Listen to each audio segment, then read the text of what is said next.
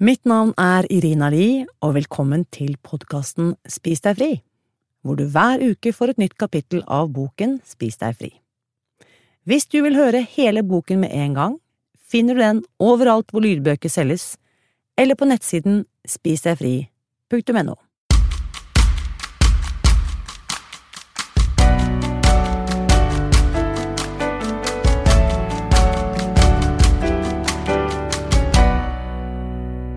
Del 5 Ønskevekt, vedlikehold og veien videre Kapittel 14 Når du har nådd ønskevekten Du blir kanskje overrasket over å finne et helt kapittel om dette emnet.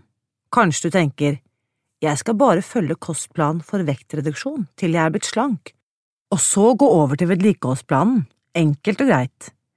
Men det er faktisk litt mer komplisert enn som så. Dette kapitlet handler om en myk overgang fra det ene til det andre. Vi ønsker ikke at du skal bomme på målet, eller fyke rett forbi og møte folk som spør om du har fått kreft. Det har hendt ofte nok til at jeg vil gjøre det helt tydelig hvordan du best kan regulere vekttapet. Først må vi bruke litt tid på hvordan du bestemmer deg for hva som skal være ønskevekten din. Ønskevekt i utgangspunktet vil jeg nevne at ønskevekten din sannsynligvis bør være mye lavere enn du tror.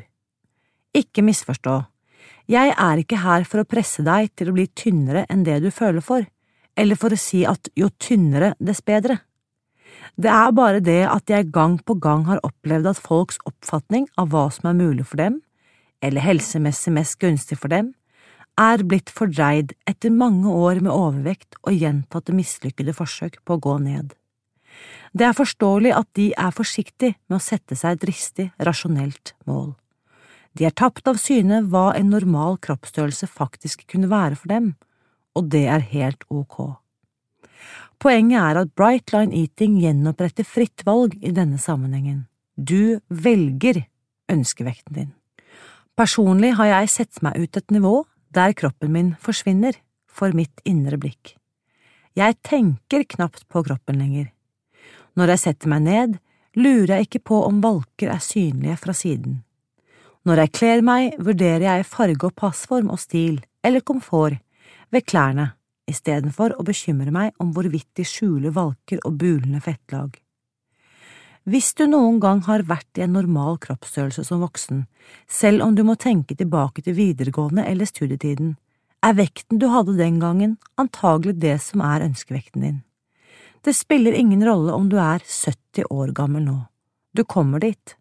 Bare le, jeg har sett det for ofte til å ha noen som helst tvil. Hvis du aldri har vært i en normal kroppsstørrelse som voksen, kan du prøve å beregne ut ifra en mal for å få en generell pekepinn på hva som bør være målet, eller la det være. Ofte setter deltakerne på mine bootcamps opp et foreløpig vektmål, vel vitende om at de kan endre på det når de nærmer seg. Det synes jeg er en meget fornuftig strategi. Noen ganger kan et reelt vektmål i starten få folk til å tørne helt. Nylig jobbet jeg med en kvinne som er 157 cm og aldri har vært under 90 kilo som voksen. Tanken på at hennes vekt kunne være mellom 50 og 52 kilo var for henne rett og slett ufattelig. Sjansene er gode for at hun kommer dit, men i utgangspunktet satte hun 64 kilo som sitt mål, og det er helt greit.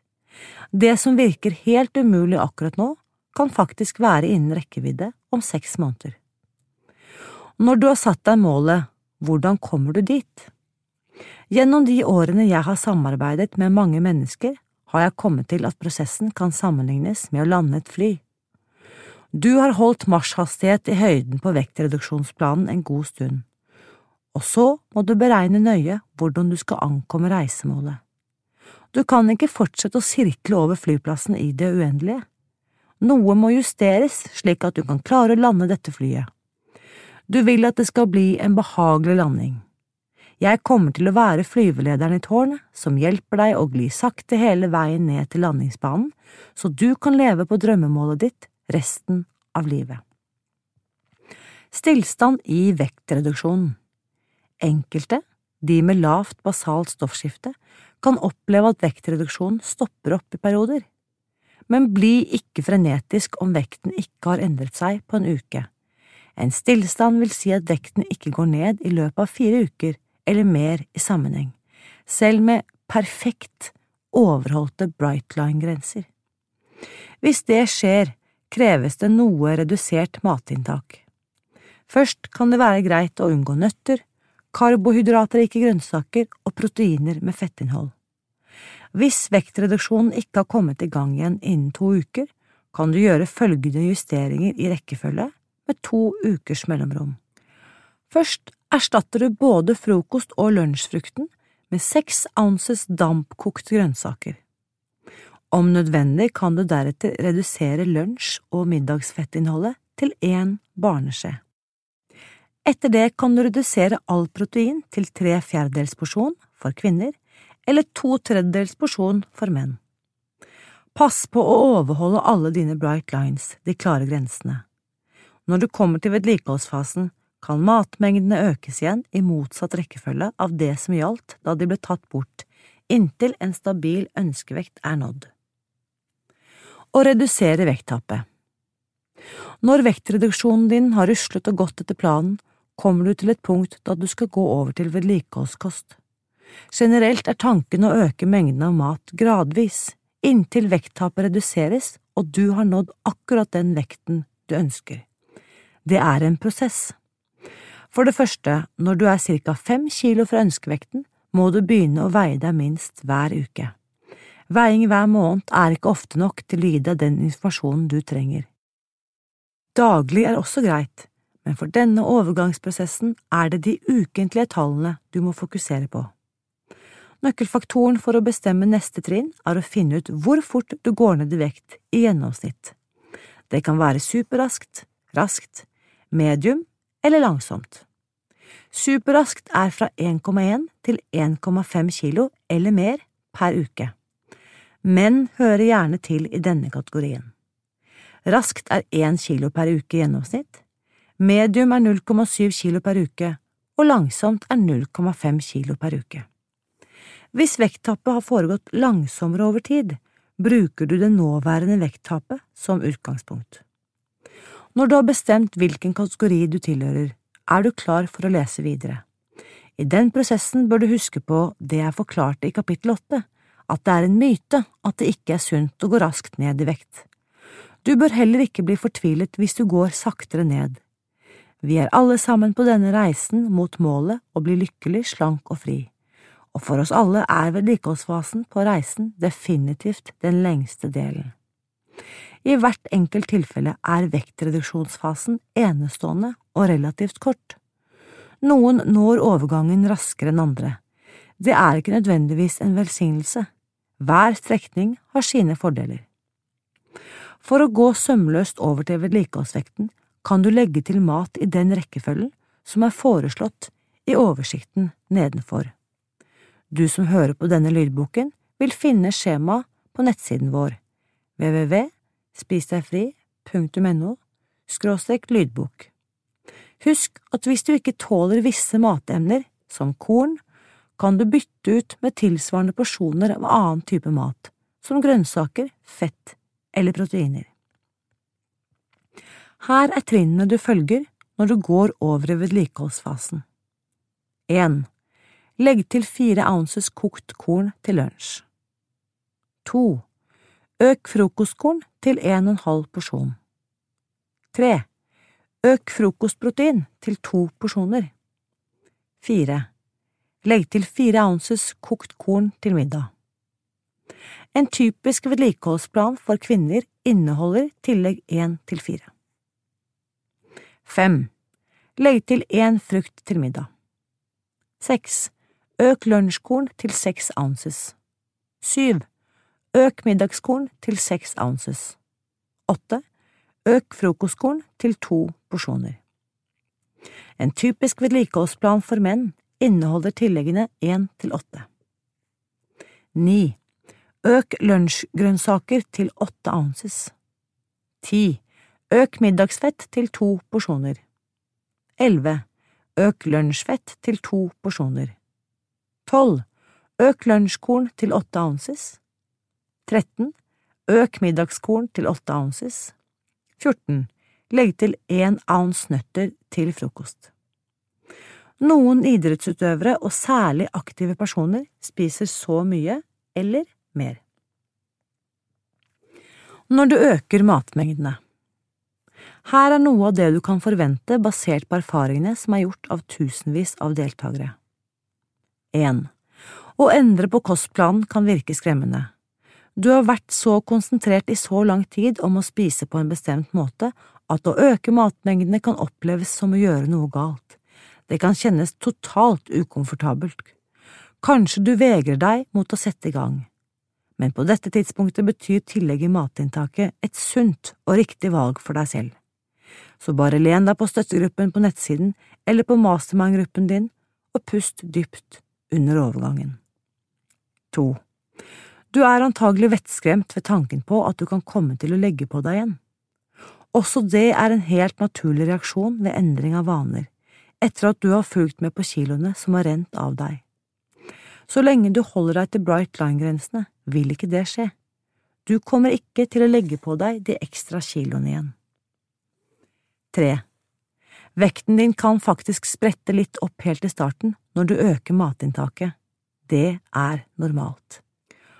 Fortsett å legge til den ekstra maten, og fortsett å være nøye med veiing og måling. I løpet av en uke eller to, kanskje før, bør vekten din ha gått ned igjen til det nivået den var på. Så snart kroppen er stabilisert på det ekstra næringsinntaket, bør du begynne å gå ned i vekt igjen. Det er da du legger til det neste elementet på listen. Følg med på utviklingen. Hvis du etter enda en uke fortsetter å gå ned i vekt, legger du inn mer mat. Hvis ikke, vent og se. Det er en prosess. Langsomt vekttap Du har det enklest. Hold deg på vektreduksjonsplanen til du er på ønskevekten. Så legger du til ett element i kostplanen. Der står det at det første tillegget bør være fire ounces med korn til lunsj, men hvis du vanligvis er mer sulten før lunsj enn før middag, kan du velge å øke frokostinntaket først. I så fall kan du legge til nummer to og så nummer tre først, for å få frokostmåltidet opp på vedlikeholdsnivået. Husk på det jeg sa ovenfor. Vekten din kan sprette opp lite grann. Det er midlertidig, bare hold fast på opplegget. Enkelte fortsetter med vektreduksjonsplanen på fast basis, fordi det faktisk tilsvarer riktig mengde mat for kroppen i deres tilfelle. Men hvis du har gått ned i vekt og du nærmer deg ønskevekten, gjelder det sannsynligvis ikke deg. Du kommer antageligvis til å trenge i hvert fall noe tillegg for å oppnå stabil vekt. Middels vekttap Legg til det første elementet, enten til lunsj eller frokost, når du nærmer deg én til en og en halv kilo over ønskevekten. Deretter følger du opplegget for langsomt vekttap. Når du har lagt til mange nok elementer til å stoppe vekttapet, har du funnet vedlikeholdsplanen din. Raskt og superraskt vekttap Hvis vekttappet ditt går raskt, legger du til det første mattillegget når du er to kilo over ønskevekten. Hvis det går superraskt, legger du til det første ekstra mattillegget når du er 4,5 kilo over ønskevekten. Så følger du opplegget ovenfor. Vedlikeholdsdansen Merk deg at for mange, kanskje de fleste, kan ønskevekten variere litt, og det å leve på vedlikeholdskosten er omtrent som en dans. Oddsen er at du ikke slår deg til ro på én kostholdsplan og holder på den i evig tid. Kroppen forandrer seg, stoffskiftet forandrer seg, oppfatningen av hva ønskevekt er, kan forandre seg, og du må kanskje legge til eller fjerne mat tilsvarende. Det anbefales at du veier deg i hvert fall ukentlig på vedlikeholdskosten. Du trenger å vite tallet for å være oppdatert underveis på reisen din. Utseende når du nærmer deg ønskevekten, kan det hende du ser litt avmagret ut, spesielt rundt ansiktet og halsen. Det endrer seg oftest tilbake til det normale etter noen måneder på ønskevekten, selv om du ikke legger på deg igjen.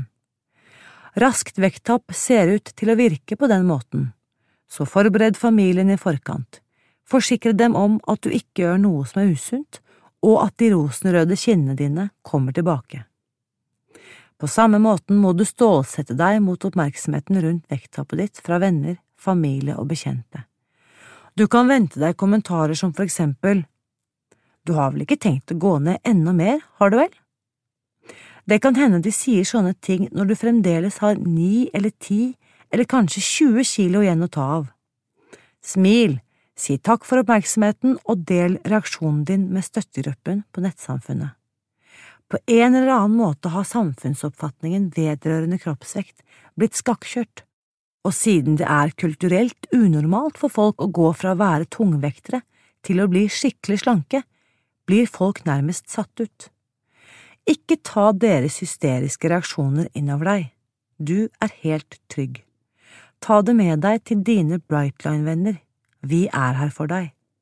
Og når du har holdt deg på ønskevekten i lengre tid, slapper folk av de vil bare forvisse seg om at du ikke er anorektisk eller på vei ned til noe sånt som 32 kilo.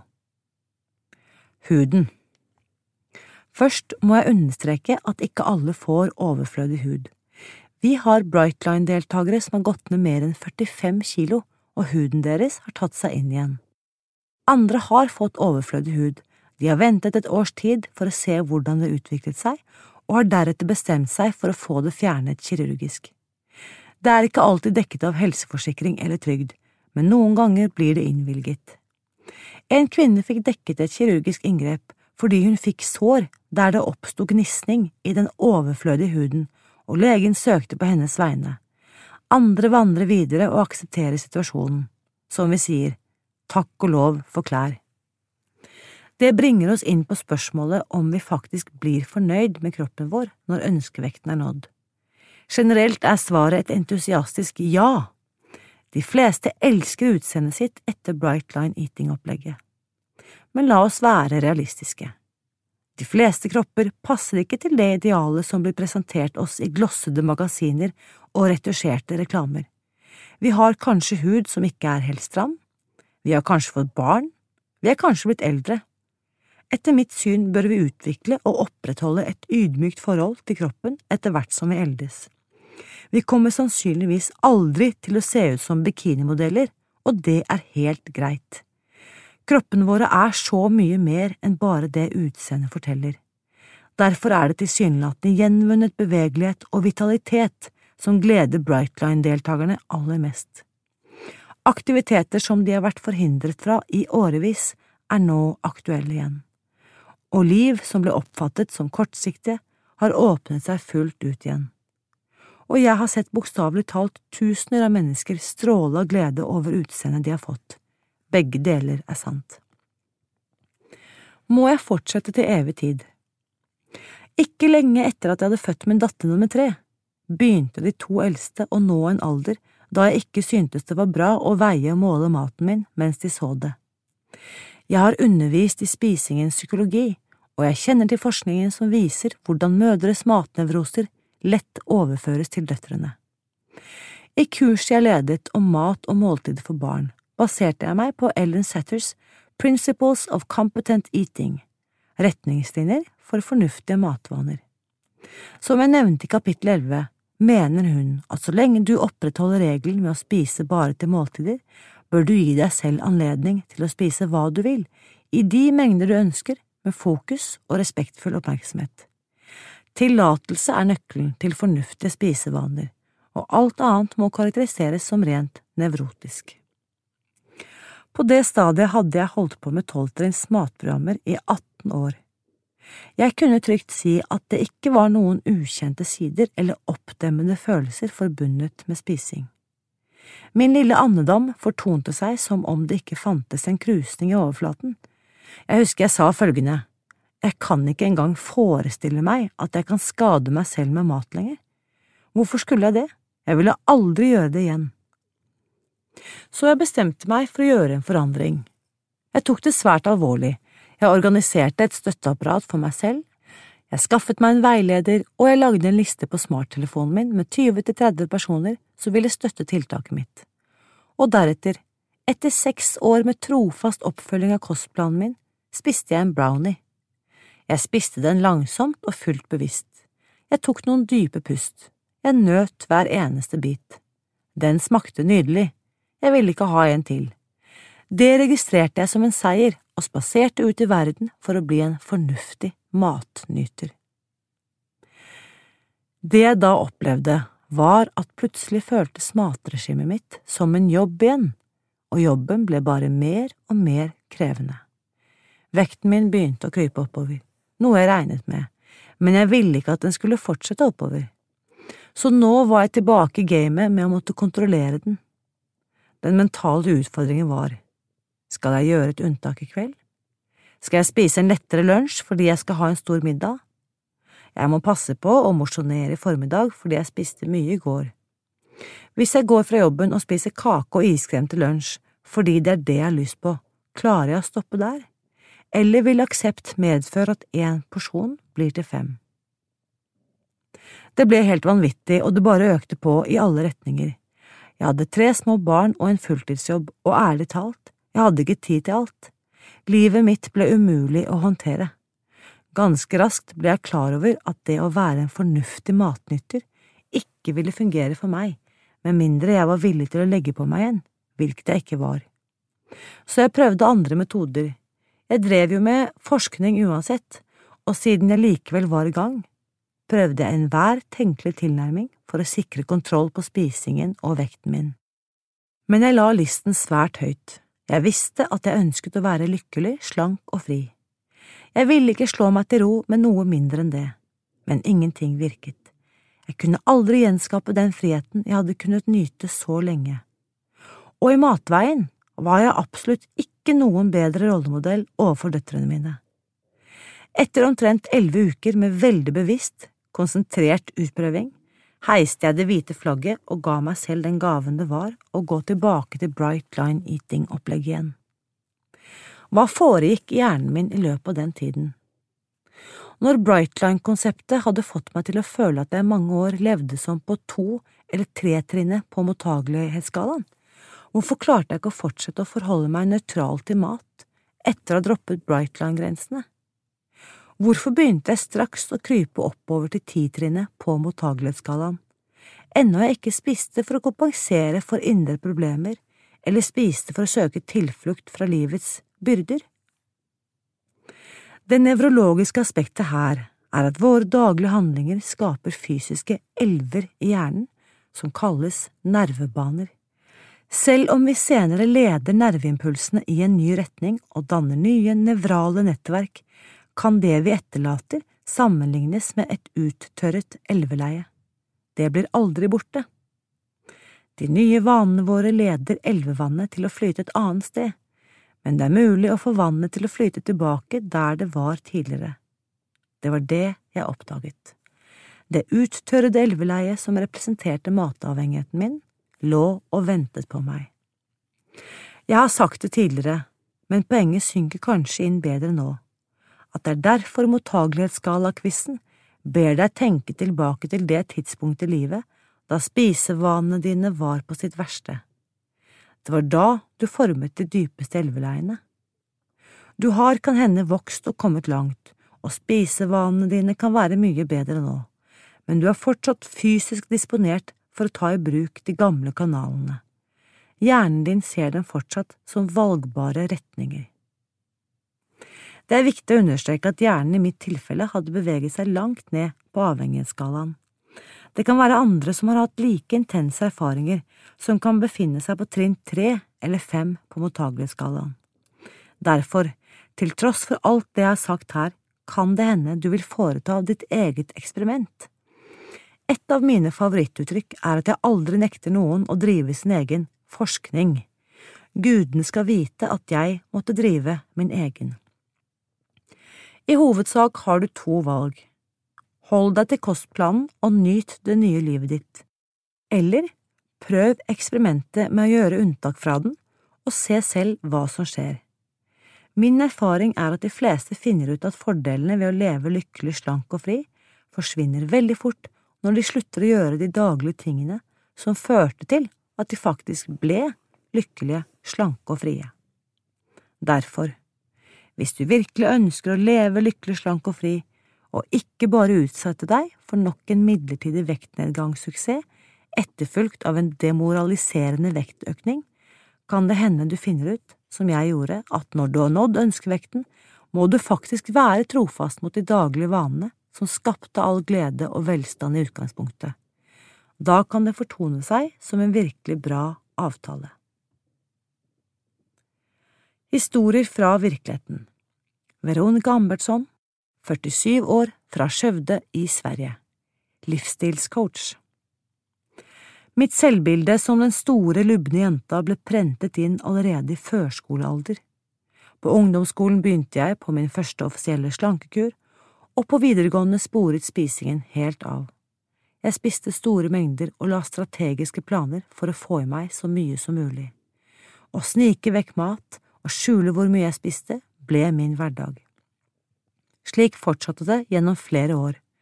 Overspising, jakt på informasjon, slankekurer, nedstemthet, terapi, indre selvransakelser, behandlingsprogram, antidepressiva, selvhjelpsbøker og et uendelig antall mislykkede forsøk på å få kontroll over egen oppførsel. I begynnelsen handlet mye om å håndtere følelser, Min oppførsel ble vurdert som et psykologisk problem med fysiske symptomer. I perioder gikk jeg ned i vekt. Selv i de korte periodene jeg var normalvektig, ble jeg aldri fri fra det indre kaoset og fokuset på mat. Jeg lyktes heller aldri med å holde vekten nede. Før eller siden mistet jeg kontrollen. Jeg var redd for å sløse bort livet mitt. Samtidig var jeg redd for å spise meg i hjel. Min kropp fungerte godt, til tross for alt jeg utsatte den for. Jeg innså likevel at det bare var et spørsmål om tid før den ikke kom til å orke mer. Angsten for å dø tidlig vendte stadig tilbake. Likevel klarte jeg ikke å endre noe. Like før jeg fylte 40 år, ble jeg mor. Da ble jeg på nytt motivert til å fikse meg. Nå gjaldt det virkelig å leve så lenge som mulig. Angsten for å dø fra min datter kunne holde meg våken om natten. Det bidro til at jeg klarte å skjerpe meg en stund. Det varte likevel ikke, noe det aldri gjorde. Oppgittheten og selvforakten bare vokste. Hva slags mamma var jeg, som ikke klarte å få orden på livet mitt, ikke engang for min egen datter? Første gang jeg hørte om Bright Line Eating var på en hyttetur i vinterferien 2015. Et håp ble tent, igjen. Jeg kunne relatere til alt Susan fortalte, hvordan det er, hvordan det føles, og hvor ukontrollerbart det hele oppleves. Da skjønte jeg at det ikke handler om manglende karakter eller om mangelfulle evner til å håndtere egne følelser. Susan fikk meg til å skjønne at min hjerne mer eller mindre var blitt kidnappet. Altså var det ikke meg det var noe galt med. Det forklarte hvorfor alle mine forsøk på å løse problemet hadde vært mislykket. For det fantes nemlig ingen feil på de stedene jeg hadde lett. Jeg meldte meg på Susans bootcamp umiddelbart. Det revolusjonerte mitt liv fullstendig. Å gå ned i vekt var selvsagt en deilig følelse, men det virkelig revolusjonerende var friheten. Friheten fra overfokusering på mat. Friheten fra det bunnløse suget friheten fra hjernetåke, friheten fra behovet for bevisst selvkontroll. Det var en helt ny opplevelse, som jeg sikkert hadde hatt som barn, men som jeg ikke hadde hatt noen erindring om. Nå har jeg fulgt Bright Line Eating i tre og et halvt år. Jeg har landet og funnet meg til rette i en kropp som passer. Fremfor alt har jeg fått sinnsro rundt mat og spising, som jeg tidligere ikke forsto kunne være mulig. Det betyr ikke at det har vært en reise uten svinger og utfordringer. Det finnes de som begynner å holde seg til de fire linjene, uten å feile. Det er ofte de historiene man hører om. Min virkelighet er annerledes. Jeg har stått fast på veien. Jeg har fått tilbakefall på sukker og mel. I stedet for å kaste hendene i været og kapitulere og si at disse greiene her ikke fungerer, har jeg i stedet blitt en oppdagelsesreisende. Friheten som følger med når jeg følger de klart definerte linjene, er nemlig så håndfast og fantastisk. Jeg vet hva jeg behøver for å leve i den. Hvis jeg sporer av, er derfor mitt eneste alternativ å finne ut hvorfor det gikk galt.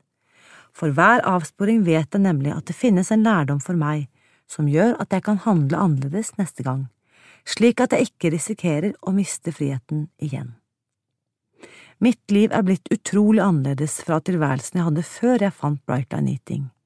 Jeg har sinnsro, jeg er nærværende i livet på en helt annen måte enn tidligere, i møte med min familie og mine venner, til og med i møte med meg selv. Hjernetåken har forsvunnet, og depresjonen er tilbakelagt og tilhører fortiden. Jeg våger å leve. Mat er ikke lenger i fokus. Nå fokuserer jeg på livet som jeg har fått tilbake. Du finner mer informasjon om Susans amerikanske bootcamp på nettsiden www.spisdegfri.no bootcamp. For informasjon om norske nettkurs, sjekk www.spisdegfri.no kurs. Har du noen spørsmål etter dagens episode?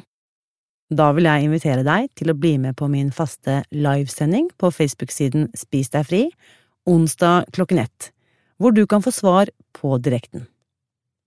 Helt til slutt, mitt motto er at gode nyheter er skapt for å deles. Du kan bidra ved å abonnere på denne podkasten og dele den med dine venner. Neste episode kommer neste søndag.